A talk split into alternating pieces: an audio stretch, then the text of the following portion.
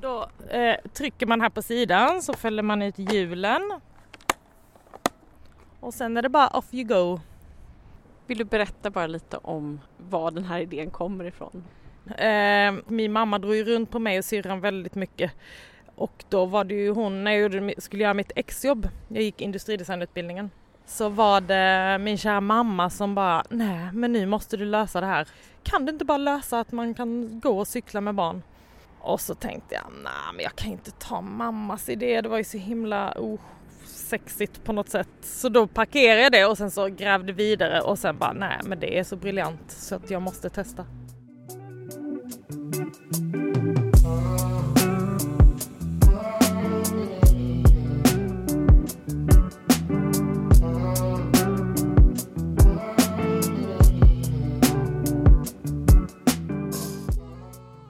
Är Malmö Darlings, en podd om en speciell stad och människorna som gör den speciell. Med mig, Jonas Gillberg. Med mig, Mia Olsson Jeffrey. Och med mig, Sally Wallstedt. I de första avsnitten så har vi varit i Vintrie och vi har varit på entré, men idag ska vi till Frihamnen. Miriam, vem var det du träffade där?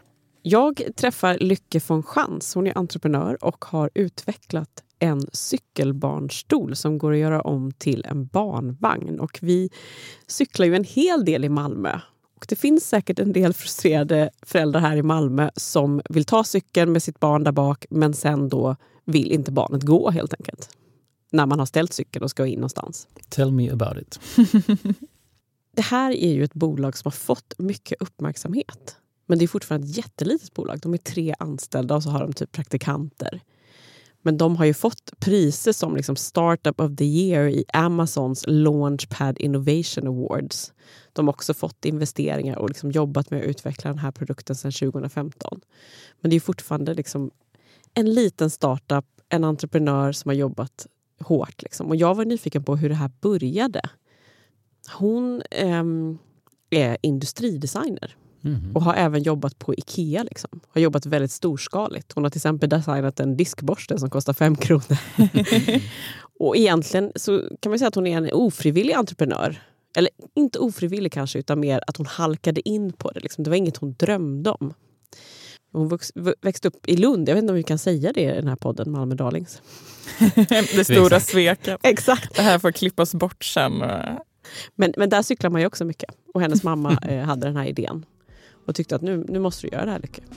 Då tycker jag att vi rullar mot Frihamnen. Det gör vi.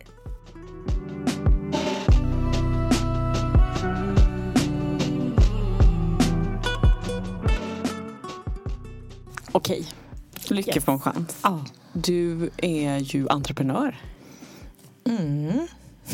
Identifierar du dig som entreprenör? Nej, eller ja, på ett sätt. Men jag tror den epite eller liksom paketeringen entreprenör är så himla, vad ska man säga, eller jag utifrån mina fördomar så tänker jag inte att där passar inte jag in men samtidigt så gör jag ju det absolut. Så ja, nej men det är jag. Den här idén mm. om på hoj. Mm. Kan du inte också berätta mm. hur produkten ser ut och vad den går ut på? Absolut. Ja. Så om man tänker en cykelsits, det vet ju alla hur de ser ut. Det finns ju den här klassiska orangea som fanns på 70-80-talet när jag växte upp som man fortfarande ser. Um, men det är en cykelsits och sen så finns det en knapp under som man liksom trycker och drar. En knapp och ett handtag och då lossnar sitsen och sen kan du fälla ut hjul och sen ställer du ner den på marken, hissar upp ett handtag och sen kan du rulla vidare. Så liksom väldigt enkel. Det är nästan så att nu när jag tittar på den och använder så tänker man, men hur, hur kunde det ta så lång tid? Eh, och det här var ju inget, det här är inget konstigt. Men så är det ju. Och det, för, det kanske är något positivt att den inte är jätte konstig utan att den faktiskt är rätt straightforward. Hur föddes den idén? Ja, jo, den föddes för rätt så länge sedan. Eh, jag pluggade industridesign på LTH i Lund. Fantastisk utbildning. Ehm, och när det var dags för exjobb, den utbildningen var fem år.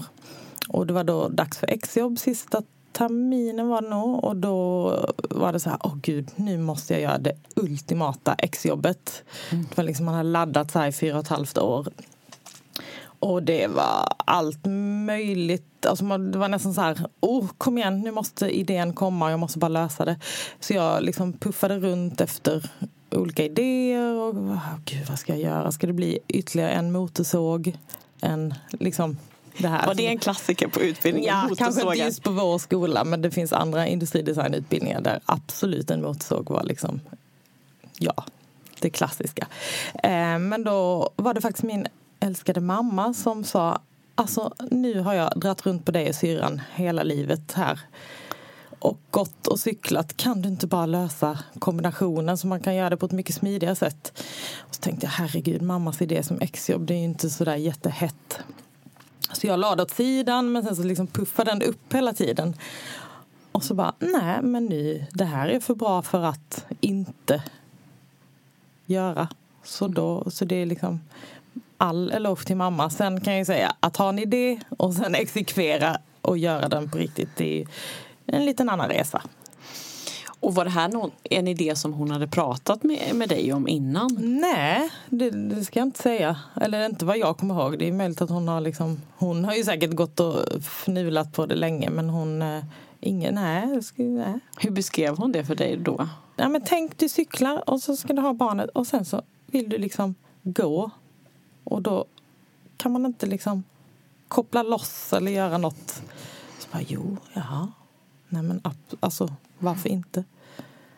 Och, och när du satte igång, vad gjorde Mm. du först då? Oh, det var ju väl, alltså det var ju fortfarande eh, under studietiden så det var ju väldigt så här eh, metodik och man gjorde ditt, liksom, allt i rätt ordning eh, skulle jag nog säga. Så det var allt från research och skissarbete till mockups och med mockups menar jag typ som liksom små skalmodeller och man testar liksom kanske rätt så grova funktioner och sådär. Och sen gör man lite prototyp och sen så kanske någon rendering, alltså en datormodell och sen var det ju också att man helst skulle ha en fysisk modell och jag vet att eh, då var det ju också alltså så här, begränsad budget och tid och hur ska jag liksom få fram en skala 1 till 1. Så det slutade med, om jag minns rätt, att jag presenterade liksom mer en process. Och sen gjorde jag faktiskt vagnen i kartong i skala 1 till 1. Och det minns jag sen ställde ut på någon barnmässa och då var det ju såklart ett barn som satte sig i den. Och det kan man ju räkna ut vad som hände då. Men, men den var väldigt fin så länge den höll. Så den gick sönder helt enkelt? Ja. Mm. Men unge, ingen, inget barn blev skadat.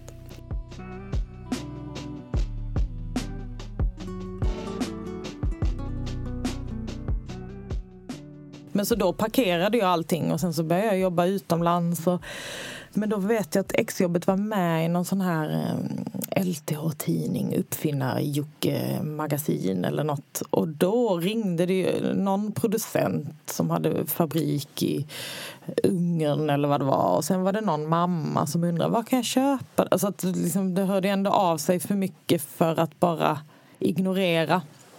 Men då hade inte jag tid eller lust eller så jag svarade på samtalen och sa vi hörs och sen jobbade vidare med det jag gjorde då. Och så, men du flyttade ändå utomlands ett tag där i, efter examen? Exakt, så efter Var bodde examen då? då bodde jag i Amsterdam. Jaha. Och jobbade som industridesigner? Ja, precis. Eh, hos en galen design, eller liksom en designstudio. Så vi var väl fem i det designteamet. Och jag var en junior där. Men det var jätte, jättespännande och kul och fantastiskt att få slänga sig in i de projekten som vi gjorde. Som man bara kunde drömma om. Eh, väldigt intensivt och härligt. Men som sagt, ett litet team, en stark creative director som kunde puffa på en halv millimeter att det var fel och sådär. Så det, det kan man ju tycka är kul och lära sig mycket av ett tag. Men sen så är man en kreativ själ så blir det också lite frustrerande. Så. Och sen ville jag tillbaka till Malmö. Så att då sa jag upp mig och flyttade hem igen. Och fick jobb på Ikea. Så det är liksom totalt andra spektrat, andra sidan av designspektrat. Storbolagsspektrat. gjorde diskborste från silverbestick till Så du har ditt diskborste. namn på en diskborste? Eller? Ja, jag vet inte. Jag tror mitt namn är på, men jag är inte säker. Ibland är namn på, ibland inte. Men det är Ja. den där som man köper för fyra spänn eller vad den kostar. Mm. Men, då, men du, idag jobbar ju du med Mm. eh, det som var din mammas idé men som du förädlade. Ja. Kan du berätta om det när du bestämde dig för att köra på det? Liksom? Finns det något avgörande ögonblick? Finns det någon händelse? Alltså det var väl ändå lite så här summan av olika saker. Att jag hade varit i Holland, jobbat på Ikea och helt plötsligt så kände jag att den där, det är en sån, bakom produkter så är det en sån himla lång kedja. Alltså det är liksom produktion och logistik och beställare och varför ska en produkt finnas? Finns det ett behov? Vad får den kosta? Alltså det är så mycket. Och jag var bara en liten, liten länk. Och det kände jag var lite Alltså, det hade jag gjort i några år och kände att men det finns ju så mycket mer, jag vill veta mer. Eh, och då i kombo att ja, men den här produkten måste finnas och det kommer ingen annan. Alltså nu, nej men nu, det måste jag göra. Varför, Ehm. varför kände du så? Jag måste göra det. Nej men jag hade idén, jag hade liksom lite, jag trodde jag hade jättemycket erfarenhet. Så här, en härligt optimistisk naivitet som ändå är bra, känner jag. Eh, så jag Nej men också behovet, alltså om, om den här produkten kan underlätta någons vardag så klart den måste finnas. Hur gick det till när du liksom startade upp och körde igång? Sa du upp dig från Ikea då? Nej, eller? då jobbade jag som konsult. Så Ah. jag hade liksom uppdrag och så gjorde jag på hoj och då kunde jag liksom kombinera och med det sagt ösa in mina pengar i det svarta startup-hålet. Som det någonstans är. Det är liksom ett vakuum av så här, allt från IP. Oh, du måste skydda, du måste starta bolag, du måste... Det, är, det kostar ju så himla mycket pengar så jag öste in det. Och sen märkte jag att ja, men nu måste jag ta in externt kapital. Alltså om detta ska lyfta och bli något på riktigt, då måste jag det, så här kan jag inte hålla på. Alltså det funkar ju absolut inte. Och jag kommer inte från en liksom, entreprenörsfamilj eller ha den, det kapitalet. Utan det fick jag ju via en inkubatorprogram i Malmö som heter Mink. Så, och där var ju fantastisk hjälp och handledning och så här, sparringpartner och ja, liksom skapa nätverk. Jag har ju ett eh, kapital och nätverk inom design. Men helt plötsligt klev jag in i en annan värld där jag inte har rört mig.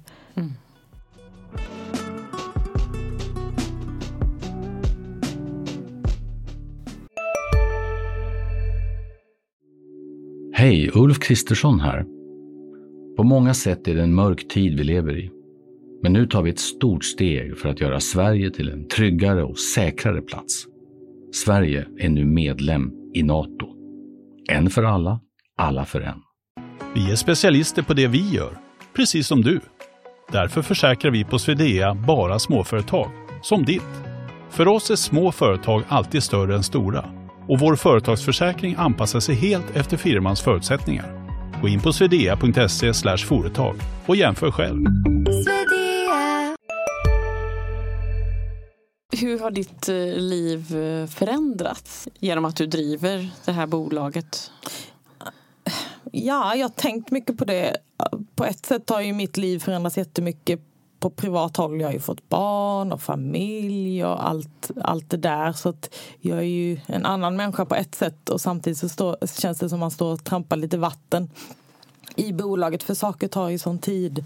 Alltså att ta fram en produkt är ju ändå tio år vilket jag absolut inte trodde eller visste då men nu har jag ju liksom fattat det. Så att eh, på ett sätt har det hänt jättemycket och samtidigt så känns det som ingenting händer men det är klart jag har förändrats men eh, jag, hoppas, jag hoppas jag har gjort det. Blev det som du tänkte då när du faktiskt liksom började ösa in pengar i det här svarta startup-hålet? Både ja och nej. Alltså saker, det är också en sån grej som jag önskar att någon kunde sagt. Eller så är det bra att inte veta det, det här att det kommer ta längre tid, det kommer kosta mer pengar. Och det vet ju många men samtidigt så har man ju den tron, fast inte för mig, det här kommer Alltså någonstans, och det är ju också det som räddar en och som gör att man, och sen tar vi tar ju också hela tiden nya kliv och man kommer lite längre så att varje fas är ju ny även om det utåt sett kanske är att, man, att det inte händer så mycket. Så varje nytt kliv ger ju nytt hopp och ny, liksom, nytt driv. Jag måste ändå fråga då, Mm. var det någonting du drömde om vid något tillfälle? Att starta eget eller att ha, driva en egen? Eh, Nej, faktiskt Verksamhet, inte. ja. Jag älskar att vara i team och ha kollegor. Och helt plötsligt satt jag där helt ensam. Så det var ju inte alls så som jag hade tänkt det. Eh, men som tur var är det ju en fas. Nu har jag ju två jättefina kollegor.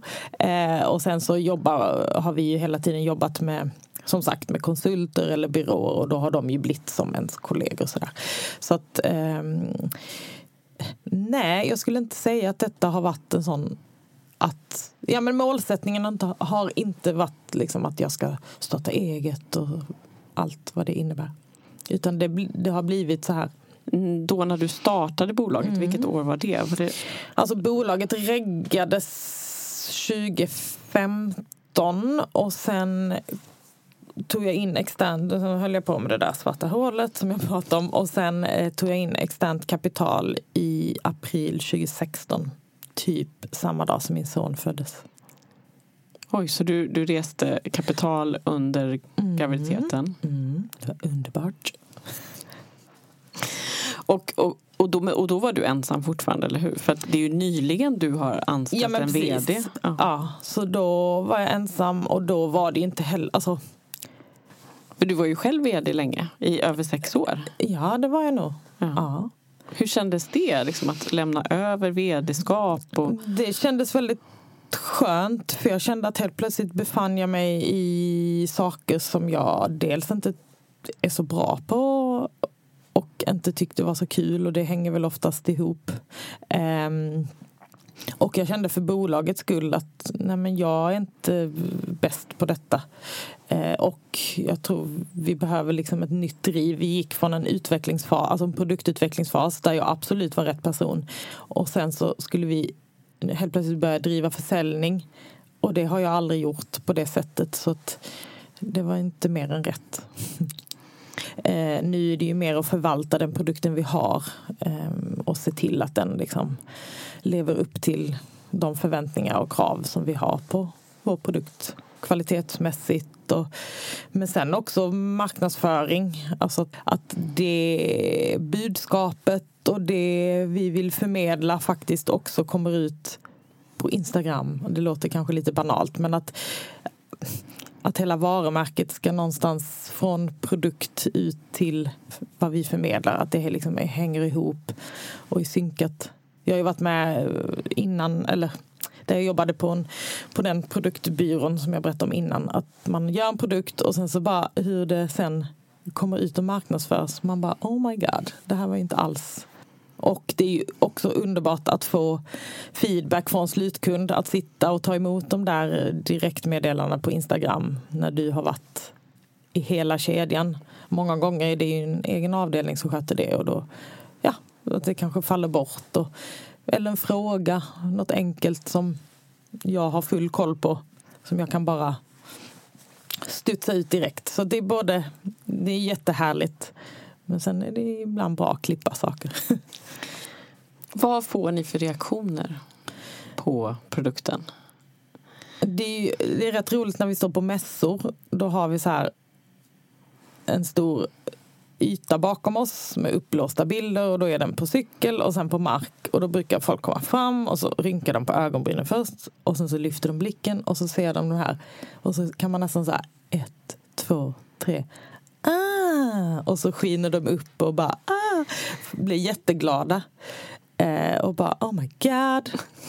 Eh, och det kan ju, och det, det, som, det som är underbart är ju att när det är en produkt för barn så är det, det spelar ingen roll vilken yrkesutbildning eller var du kommer ifrån. Alltså alla kan ju relatera till att ha barn. Även om du kanske inte själv har det så kanske du har ett syskon som har barn eller ett barnbarn. Eller, fast då har du ju barn. Ja. Nej, men du förstår vad jag menar. Att det är ju jättehärligt. Sen är det ju klart att det kommer kommentarer bara vad är det här för... Men det, ja, så får det vara. Det, det är högt och lågt men de flesta är jättepositiva och den klassiska varför fanns inte denna när jag hade barn? Den får vi rätt ofta. Ja, har du, har, han du använder den för dina barn? Ja, men lite Eller grann till sonen. Han, som sagt, han föddes ju när pengarna kom på konto. Sen var han ju med och var lite kvalitetsansvarig, höll jag på att säga. Det var han ju inte alls. Men han fick testa och mätas och eh, var liksom där närvarande. Testbarn. Ja, ett test, testbarn. Exakt. Är det någonting som du ångrar under den här perioden? Mm, ja, men jag ångrar nog att jag inte gav mig själv lite mer cred. Att, för att som sagt, saker tar längre tid, det kostar mer pengar. Så med det sagt så känns ju allt som ett nederlag. Alltså tar det längre tid, attan fasiken också. Och så känner man sig dålig. för mm, Det kan jag ångra. Men det borde jag ju bara ändra på nu. Att jag, men jag, jag försöker bli bättre. Men det blir man ju också bättre på när man är team och man är fler. Alltså Så du har faktiskt- börjat ge dig själv mer Ja, cred nu? precis. Och finns det några liksom, saker som kändes wow, det här var verkligen lyckat? Åh gud. Hmm. Apropå att ge sig själv cred. Ja. Jo, Någon men, speciell eh, händelse kanske? Som... Nej, men jag tror det jag känner är viktigt och som jag hoppas att jag är med någonstans och påverkar är ju också så här att vara en kvinna ute i produktion. Alltså jag har ju varit med med Ikea och allt det där men att komma som chef och liksom beställare ut till en stor industri. Sen kan man ju tycka att ja, men inom barnbranschen där finns det väl kvinnor, men så är det ju inte. Alltså på mässorna är det ju män och det är slips och det är kavaj och jag undrar hur många barnvagnar de har rullat i sitt liv. Um, och så är det också ute i produktion och då blir det så himla tydligt att vi behöver mångfald och det handlar inte bara om kön. Alltså det är också ekonomisk mångfald och bakgrund. För att med mångfald eh, så kommer ju också, alltså man bryter ju att bryta mark och liksom lyfta på det där täcket. Vad händer här under egentligen? Apropå, ja. Mycket historier man fått höra när man varit ute i Kina och vad som händer där efter jobbet och på karaokekvällarna och sådär. Men hade det bara varit fler kvinnor så hade kanske inte det varit så. Och även ute, ja men så här, när vi testar produkten, att ja men någonstans du som är kvinna, du där borta vid bandet, kan inte du komma hit och känna? Hur, hur känns det för dig? För det är ju någonstans många kvinnor som ska använda produkten och testpersonerna är ju oftast män. Ehm, så att man försöker involvera och liksom bara vända och vrida på saker. Så jag hoppas jag gör någon skillnad. I varje fall av att vara där och synas. Vad säger mamma nu?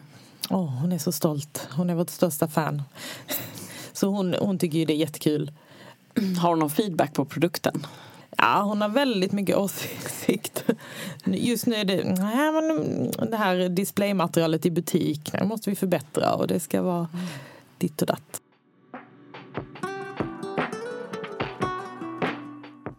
Du bor ju i Malmö nu. Mm. Du har gjort ett tag. Mm. Vilket år flyttade du hit?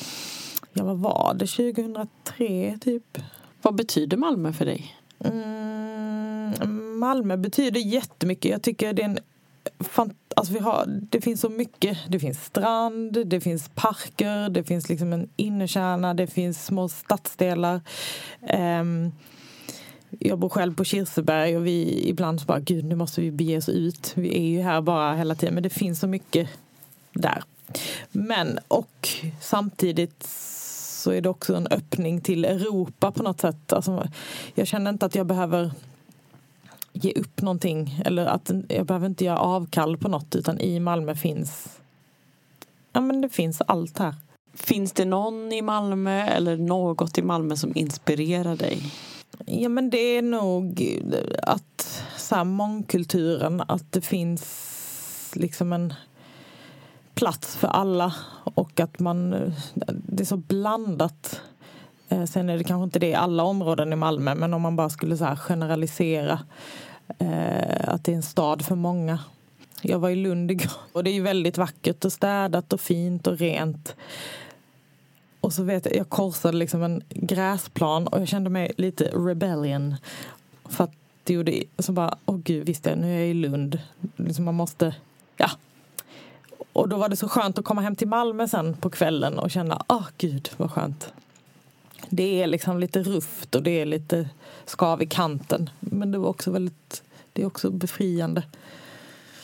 och man kommer ändå nära verkligheten, alltså nära, jag vet på vår barns skola att det finns liksom familjer med annan bakgrund och man bjuder varandra på fika och man byter mat och man liksom, ja det säger sig själv.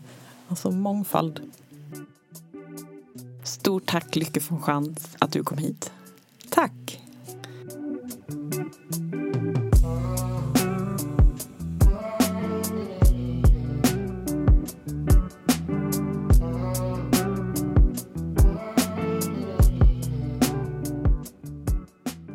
Här var Malmö Darlings och ni har hört Miriam Olsson Jeffrey träffa Lycke von Schantz. Malmö Darlings är en podd från Sydsvenskan där vi intervjuar människorna som gör Malmö till Malmö. Följ podden där du lyssnar på poddar. Om du har tips på någon som du tycker att vi ska intervjua så skriv ett mejl till malmodarlings@sydsvenskan.se. Gustav Wirtén har varit producent och ansvarig utgivare är Jonas Kanje. Hej då!